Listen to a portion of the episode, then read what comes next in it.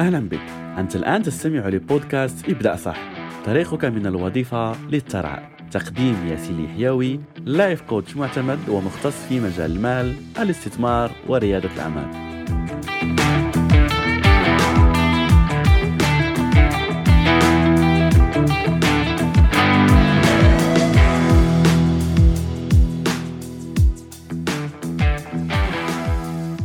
السلام عليكم ورحمة الله وبركاته. مرحبا بك من جديد لازلنا مستمرين. في رحلتنا عن موضوع الوفرة المالية في بودكاست ابدأ صح. حلقة الأمس كانت حلقة جد عميقة وشخصيا كما ذكرت أعتبرها يعني من أفضل الحلقات اللي ممكن عملت لأني مؤمن أن المعلومات التي شاركت معك الأمس هي معلومات ستغير حياتك 180 درجة. لو فهمتها صح وطبقتها في حياتك. كنا تكلمنا يعني عن العديد من المفاهيم على أن الثراء يبدأ بالعقلية وعلى أن إيمانك هو الذي يتجلى في واقعك. فلو كنت يعني لم تسمع الحلقة فنصيحتي لك اسمعها ستغير العديد العديد من المفاهيم والأفكار في حياتك. فاليوم إن شاء الله سنكمل في موضوع الأفكار وعلى أنه الأفكار الموجودة عندك. بما أنك تؤمن بهذه الأفكار فهي تتحول لواقع. فكيف أصلا تدخل عندنا هذه الأفكار؟ فالعقل عندنا فيه العديد من المستويات لكن خلينا يعني نبسطه يعني كما هو معروف. هناك العقل الواعي والعقل اللاواعي. فالعقل اللاواعي يبرمج يعني على أن المعلومات اللي فيه تدخل لك اولا عن طريق العقل اللاواعي. فبالتالي قبل أن تصبح هذه أفكار وتصبح هي التي تسيرك وهي التي آه، الطريقة التي تفكر بها والطريقة التي ترى بها الحياة فهي في الأول تكون أفكار. تأتيك وسنتكلم يعني عن هذا في حلقات قادمة إن شاء الله. فعندما تأتيك هذه الأفكار فوظيفه عقلك الواعي هو تصفية هذه الأفكار. يعني يسمع فكرة وبعدها لو قبلت أنت هذه الفكرة فيقبل على أنه يدخلها وتترسخ وبالتالي تصبح عندك قناعة راسخة. فمثلا الشخص اللي يقول على أنه ترى صعب أغنياء نصابة المال وسخ دنيا يعني كل المفاهيم كل هذه الأفكار لو سمحت لها أنت لو تقبلتها ودخلت لعقلك فتصبح واقع. فبالتالي الفكرة اللي عندك على أنه ترى صعب هي جاءت من الخارج أنت سمحت لها بالدخول وعقلك الواعي كما ذكرنا هو يختار هذه الأفكار اللي أنت موافق عليها ولو مرت يتم حفظها على أنها حقيقة عندك. وكمثال ولا دليل على هذا الكلام هي تجربة مشهورة جدا في علم النفس معروفة بتجربة بورهيف. وبورهيف يعني هو اسم الشخص اللي عملوا عليه هذه التجربة. هو شخص يعني قالوا له على أننا سنقوم بعمل جرح في جسمك يؤدي للموت وهو بالمناسبة يعني كان شخص يعلم يعني كان في السجن. فلذلك يعني قبل بهذه التجربة مقابل مالي يعني لعائلته وبعد هذه التجربة هذا الشخص مات. فممكن تقول لي okay الشخص مات وعملوا عليه التجربة فأين هي القصة؟ لماذا تحكي لنا هذه القصة؟ الغريب على أن بورهيف لما قلت لك على أنه عملوا له جرح في الجسم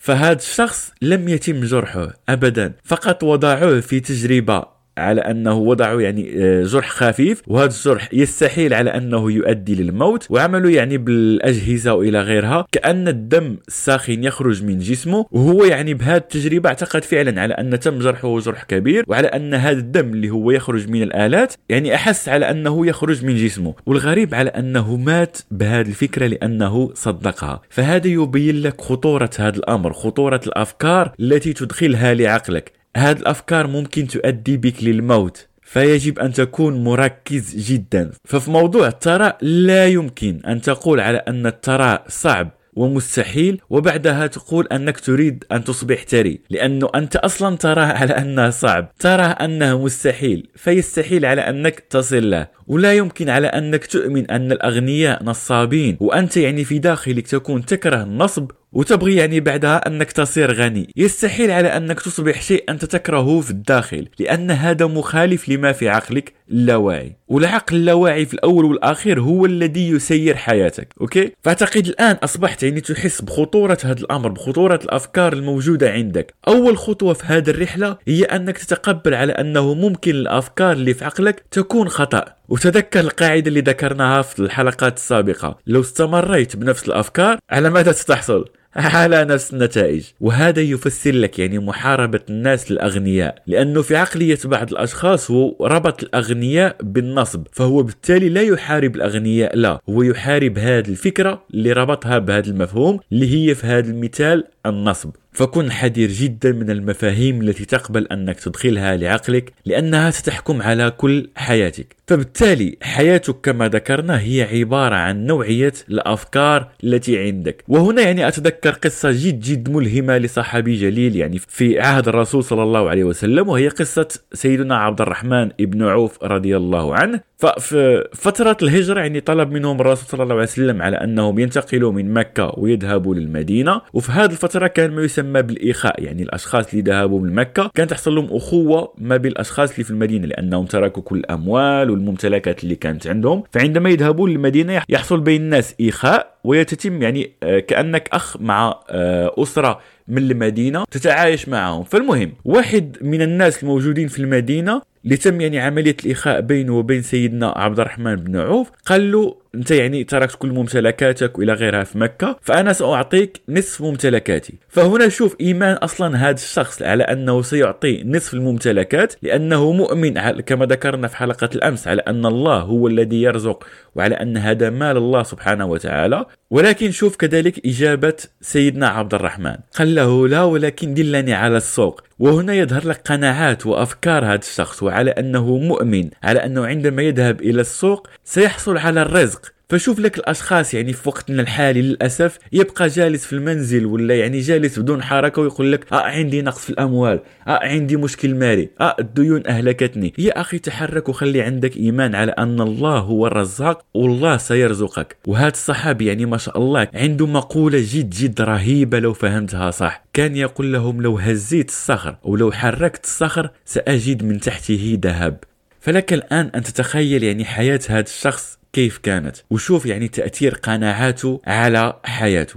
فدورك اليوم أن تجد ما هي قناعاتك. لما يتكلم شخص عن المال ما هي فكرتك؟ وأنت جالس تسمع هذا البرنامج شنو هي الأفكار اللي في بالك؟ هل عندك أفكار على أنه آه فكرة مشروع ويلا أقوم بها ولا فكرة آه الكلام سهل ولا فكرة آه هذا فقط كلام نظري ولا يلا نستمتع بهذا البرنامج ونضيع به شوية وقت ولا يلا نجيب به الإفطار؟ شوف نوعية الأفكار اللي عندك الآن والطاقة اللي تحس بها وأنت تسمع لهذا البرنامج. وكذلك يعني لما تسمع قصة شخص غني تابع يعني في بعض البرامج أشخاص أغنياء قصص نجاح ما هي الأفكار التي تدور في بالك. فأخذ هذه الأفكار واكتبها. واسأل نفسك سؤال جد جد مهم. بما أنه حياتي تصنع عبر قناعاتي والأفكار التي عندي فهذه الأفكار التي وجدت هل هي مساعدة لي للوصول للثراء ولا لا؟ وشوف الإجابات التي ستظهر لك. وأراك غدا في حلقة جديدة إن شاء الله. لا تنسى مشاركة هذه الحلقة مع أعز الناس إليك. ولا تنسى كذلك ابدأ صح تنجح صح.